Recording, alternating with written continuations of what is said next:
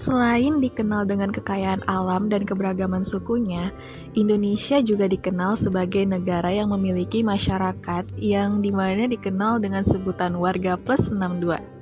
Konon sih, mereka punya banyak kelakuan aneh bin nyeleneh yang bisa bikin geleng-geleng kepala nih. Penasaran? Bagaimana pembahasan selanjutnya? Yuk simak podcast gue sampai habis. Halo semuanya, kembali lagi bersama gue Navin Roxilana Danisa Selamat datang di podcast gue Atau yang biasa disebut dengan NRD Spotify. Hmm, gue kali ini mau bahas sesuatu yang mungkin uh, Menyangkut tentang semuanya ya. Karena judulnya juga warga plus 62 nih. Jadi ya kita-kita gitu Mungkin sambil masuk ke materi, gue pengen kalian juga sambil dengerin lagu yang judulnya Welcome to Indonesia yang dinyanyikan sama Ica Maisha, Adi Syahreza, Akas Elahi, dan kawan-kawan deh. Nah, ada satu kalimat yang pengen gue ucapin di segmen kali ini nih. Welcome to Indonesia. Biasanya segmen itu kita bakal apa ya kekayaan alam Indonesia gitu, keberagaman suku atau adat istiadatnya. Ya pokoknya yang bagus-bagus deh. Tapi khusus hari ini gue mau ngajak ngejulit kelakuan-kelakuan nyeleneh warga Indonesia yang suka disebut dengan warga plus 62 nih. Kok bisa sih warga Indonesia dipanggil warga plus 62? Sebenarnya kalau secara etimologis ya Plus 62 ini adalah kode nomor telepon Indonesia ya. Makanya warga plus 62 bakal dikaitkan sama warga Indonesia. Tapi entah bagaimana istilah ini malah bermakna negatif dan dikata-katain sama kelakuan ajaib benyilaneh warga Indonesia. Mau contoh? Uh, gue ada pernah dapat curhatan dari orang set banget gitu lagi ketabrak kucing apa segala itu tuh yang gak masuk akal gitu. Nah itu salah satu contoh kelakuan warga Indonesia teman-teman. Udah ada gambaran kan? Ya emang sih setiap orang pasti punya keunikannya masing-masing Sampai memiliki keunikan dalam hal berpikir dan bertingkah juga gitu Tapi saking uniknya sampai kita geleng-geleng kepala Ada-ada aja ya Terus saking uniknya cara berpikir dan bertingkah mereka itu bahkan melahirkan pikiran dan kelakuan yang nyeleneh atau absurd. Hmm, lalu kira-kira senyeleneh apa ya cara berpikir warga plus 62 ini? Yang pertama, makan belum lengkap kalau tanpa nasi. Itu sih hukum wajib ya jadi orang Indonesia siapa sih yang nggak tahu nasi? Nasi adalah makanan pokok orang Indonesia gitu. Istilah kata bagi orang Indonesia, nasi adalah hal yang wajib. Ibarat taman tak berbunga, begitu juga makan tanpa nasi gitu. Meskipun kita sering makan bakso, mie ayam, siomay, namun kalau pertanyaannya sudah makan belum? Kalau nasi belum masuk perut, tentu jawabannya belum ya. Siapa tuh yang begitu? Jujur, gue juga begitu sih. Udah masuk mie bakso batagor tapi kalau belum ketemu nasi ngakunya pasti belum makan gitu. Kenapa sih nasi bisa segitu melekatnya sama perut Indonesia? Ada beberapa hal yang membuat nasi begitu lekat dengan orang Indonesia. Di antaranya, pohon padi yang mudah dikembangbiakan di Indonesia, tradisi nenek moyang, mindset makan belum kenyang tanpa pakai nasi, makanan yang sangat netral dan dapat dimakan bersamaan dengan makanan apa pun. Saking netralnya nih, bahkan ada menu-menu ekstrim antara nasi dan menu lain. Contoh, nasi sama kentang, padahal keduanya sama-sama karbo. Nasi sama mie yang katanya bahaya dan bisa naikin gula darah tetap diterobos gitu sampai menu nasi lain kayak dicampur es krim atau coklat sumpah itu tuh menyalahi kodrat pernasian gak sih nasi mie sih juaranya Gak mau bohong, tapi emang perpaduan itu tuh paling perfect gitu. Kalau ditanya makanan apa yang paling khas Indonesia, rendang bukan sih, sate juga bukan. Nasi goreng ya 50-50 lah. Jawabannya ya pasti nasi campur mie gitu. Hampir semua orang udah merasakan kombinasi makanan super enak dan ekonomis itu. Nasi plus batagor juga enak kok. Keren sih. Nah, kira-kira menu apa nih yang biasa lo mix sama nasi? Mungkin ada hal lain, ada yang lain gitu selain mie atau batagor. Oke, next yang kedua, tangan menjadi pengganti sendok. Hmm, apalagi kalau udah masuk dunia persambulan gini ya. Makan pakai tangan udah paling nikmat deh. Tapi pastiin ya sebelum makan pakai tangan itu tuh cuci dulu tangannya kalau dipikir-pikir benar sih dari Sabang sampai Merauke hampir semua orang makan menggunakan tangan bagi mereka hal itu dapat menambah kenikmatan makanan yang disantap mereka juga menganggap makan menggunakan tangan dapat mempererat kebersamaan dengan orang lain dibanding dengan makan menggunakan sendok. Hal itu tentunya unik ya dan cuma ada di Indonesia, teman-teman. Paling seru tuh kalau kita lagi makan rame-rame terus dialas pakai daun pisang makanannya. Yang makan pakai sendok pasti auto diliatin sih. Eh mantap memang sih. Tapi by the way gue jadi lapar sekarang aduh nggak pakai tangan tuh kayak ah kurang mantap bosku gitu nggak pakai tangan bisa dijadiin musuh sih Next yang ketiga, suka kepo dengan urusan pribadi orang lain. Aduh, apa yang paling sering orang tanyain pas ketemu kalian nih? Kapan nikah? Udah kerja? Udah punya pacar berapa? Sulusin tante. Bercanda. Udah punya pacar, pacarnya anak mana? Aduh, berat banget sih pengalaman kayaknya.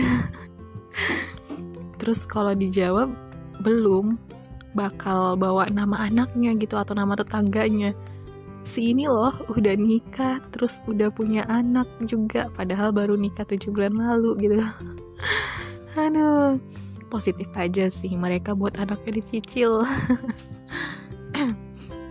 kayaknya udah pada punya pengalaman ya soal yang gituan karena gue tahu pendengar podcast gue juga pasti uh, pernah dapat pertanyaan-pertanyaan yang kayak gue sebut tadi.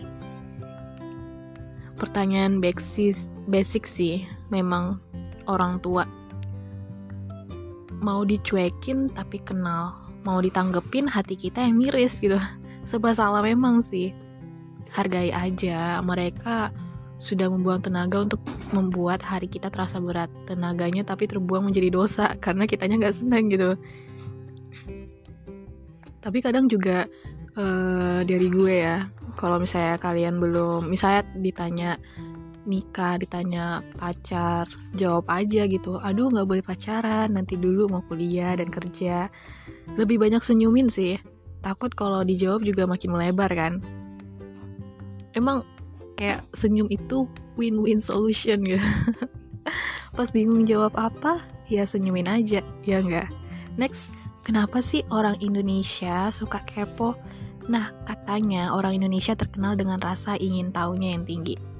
Sudah menjadi budaya kita juga sih untuk saling peduli satu sama lain. Tapi, gak jarang kepedulian yang berlebihan itu berujung pada kepo. Mulai dari soal pendidikan, karir, bahkan sampai ke jodoh. Berbeda halnya dengan orang luar negeri yang menganggap bahwa kepo dengan urusan lain, urusan orang lain itu tidak sopan dan juga merupakan hal yang sangat sensitif Orang Indonesia justru sebaliknya. Pertanyaan kapan nikah, udah kerja atau punya pacar nggak, udah kayak template khas orang Indonesia kalau udah ngumpul gitu. Yang begitu tuh kadang jadi malas ikut ngumpul keluarga. Kalian sendiri gimana? Next yang keempat, kerokan is the best. Ini uh, gue masukin dalam materi gue karena uh, apa ya? gue sering lihat juga nenek gue itu tuh suka banget kerokan Karena warga plus 62 selalu mengklaim apa pun sebagai masuk angin, makanya kerokan jadi solusi ter the best buat mereka. Mau mual, pusing, meriang, tapi gue beda sih. Gue kalau pusing, mual, itu tuh gue malah bawa tidur gitu. Tapi nggak tahu kenapa kalau gue lihat orang lain itu solusi dari mual, pusing, meriang dan lain-lain itu tuh adalah dengan kerokan apa pun penyakitnya pasti dikiranya masuk angin. Padahal kan bisa aja bukan gitu. Terus karena itu tuh kerokan jadi dijadiin cara pengobatan paling sering dipakai. Masuk angin? Ya kerokan obatnya. Walaupun belum ada penelitian medis yang menunjukkan keakuratan dari teknik pengobatan yang satu itu namun apa pun penyakitnya kerokan angka pertolongan pertamanya gitu. Terbukti sih dari nenek gue ya Rasanya udah nggak aneh lagi dengan teknik pengobatan itu. Yang kalau kata orang bule sih mengerikan, soalnya seperti dicakar harimau. Aduh, ada-ada aja ya. Tapi nih teman-teman, meski begitu, lo juga harus hati-hati. Terlalu sering kerokan juga bisa datangin bahaya. Misal nih, kulit yang katanya semakin menipis, rentan masuk angin susulan gitu. Iritasi kulit karena terlalu keras menggosokkan koin ke kulit.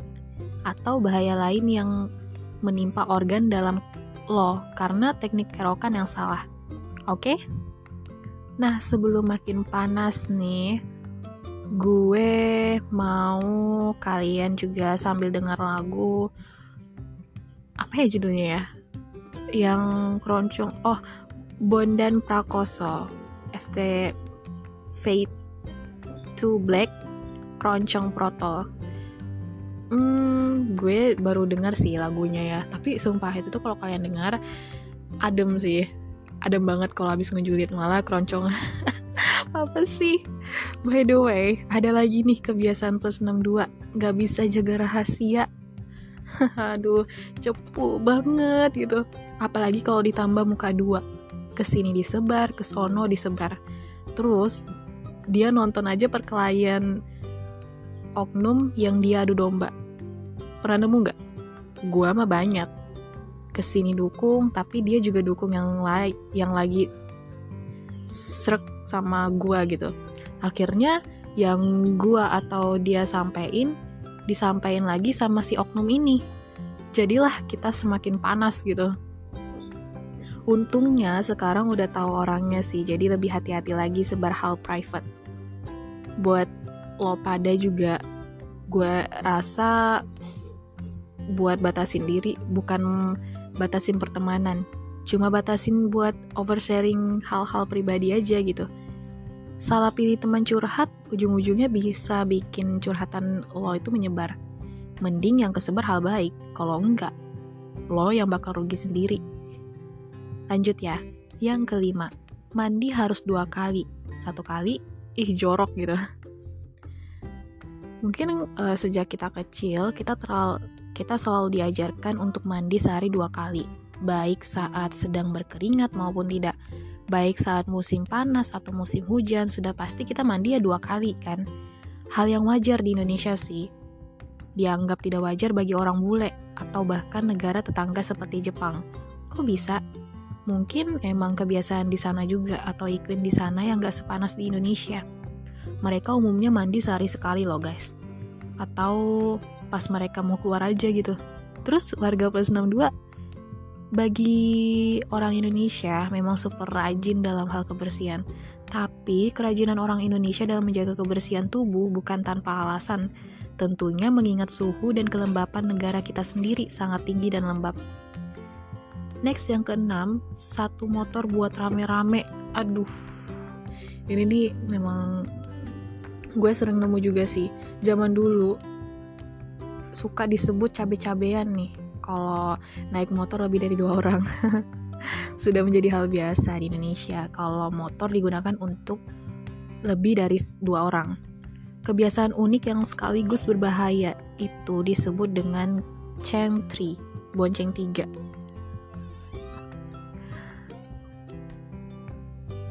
Atau begotik ya four bonceng 4 juga bahkan sampai ceng 7 bonceng 7 gitu banyak banget sebutannya gitu tapi Hal itu juga berbahaya, teman-teman. Motor itu tuh didesain cuma buat dua orang maksimalnya sih. Yang gue tangkap ya, jangan ditambah-tambahin gitu. Selain bisa mempengaruhi gerakan pengendara saat belokan tajam, duduk yang tidak sempurna di jok motor juga bisa bikin tulang ekor kalian tuh dalam bahaya gitu. Paling parahnya sih, kalau udah cedera tulang ekor bisa bikin kalian lumpuh. Serem kan? gue nggak bermaksud buat nakut-nakutin sih, tapi nggak ada salahnya jaga-jaga aja. Faham ya? Hmm, yang next ibu-ibu penguasa jalanan. Aduh, itu pasti semua pernah merasakan ya. Sudah menjadi hal biasa bagi semua kalangan untuk pergi ke mana pun menggunakan kendaraan, termasuk ibu-ibu yang bisa mengendarai motor.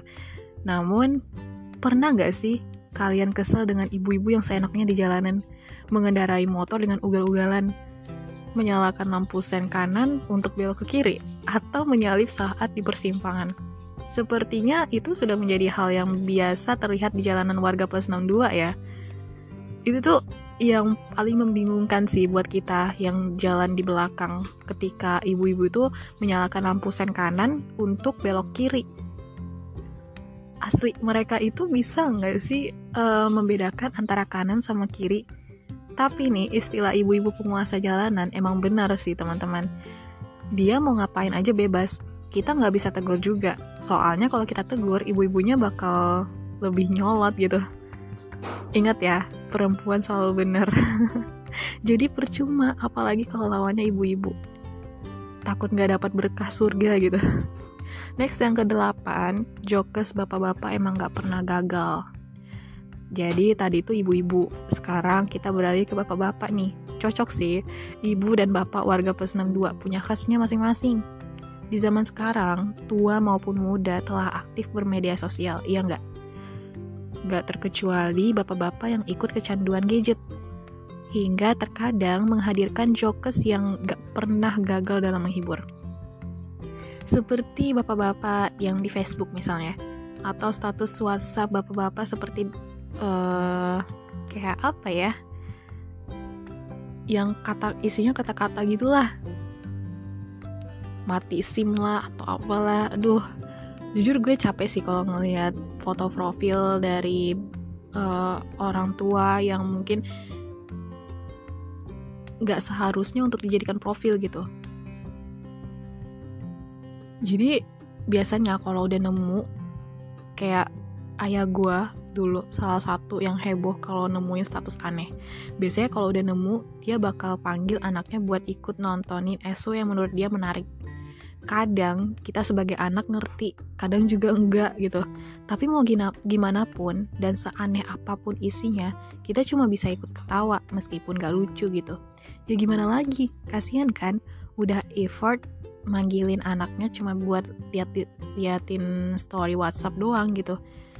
Emang bapak dan ibu yang serasi ya. Satunya penguasa gadget, satunya penguasa jalan. Give applause. Ada lagi nih, kalau pas pernikahan gak ada wali, boleh pakai Noah aja nggak sih? Aduh, ada aja sih itu. Kadang bapak-bapak ada yang bertanya yang memang di luar bukan di luar nalar sih tapi yang sekiranya mungkin gak menurut gue itu uh, gampang untuk ngedapetinnya nanti gue undang ST12 deh ST12 ya ya Allah aneh-aneh wae gitu ternyata ada banyak juga ya kebiasaan-kebiasaan unik di negara kita yang berbeda dengan negara lain tapi ingat ya teman-teman, perbedaan yang ada bukanlah suatu alasan yang membedakan kita dari orang lain, dan justru malah mengurung diri. Melainkan perbedaan ada untuk saling melengkapi. Yang penting kita harus selalu bisa menghargai setiap perbedaan yang indah itu. Walaupun beberapa di antaranya kadang bikin kesel dan bikin kita mikir nggak masuk akal gitu ya. Di tempat kalian ada nggak yang kelakuan-kelakuan aneh lainnya dari warga plus 62? Hmm. Semoga kalau misalnya ada ya, yang masuk akal deh. Intinya, hmm, oh ya gue juga ada satu lagi intinya kalau warga plus 62 itu kebiasaan nih habis foto langsung diupload. Ada sih yang lebih rese tuh pas ada kecelakaan bukannya cari pertolongan malah direkam gitu. Itu tuh apa pun masalah lo pasang story lebih dulu. Mau senang mau sedih mau confess atau sekadar nyindir orang semua bisa dilakuin lewat SW padahal apa salahnya sih ngomong langsung? Gak sedikit loh manusia overthinking yang pas nyindir orang dianya ikutan tersindir. Daripada salah sasaran dan ngerembet ke mana-mana kan. Lagi pula tindakan nyambat di sosial media selain beresiko salah sasaran juga gak bagus buat kejiwaan guys. Jadi itu bisa membangkitkan perilaku tidak jujur. Suka bersembunyi, kurang berani, atau tim yang suka nusuk dari belakang. Soalnya pas didatengin pasti jawabannya bukan lo kok gitu. Well, karena uh, materi gue juga udah habis dan ini gue saatnya pamit undur diri. Intinya terus pantengin podcast gue NR di Spotify. Nanti di hari-hari berikutnya bakal ada banyak materi-materi yang akan menemani hari kalian. Oke, mungkin cukup sekian dari gue. Sorry gue nggak bisa lama-lama. Sampai jumpa di podcast gue selanjutnya. Bye-bye.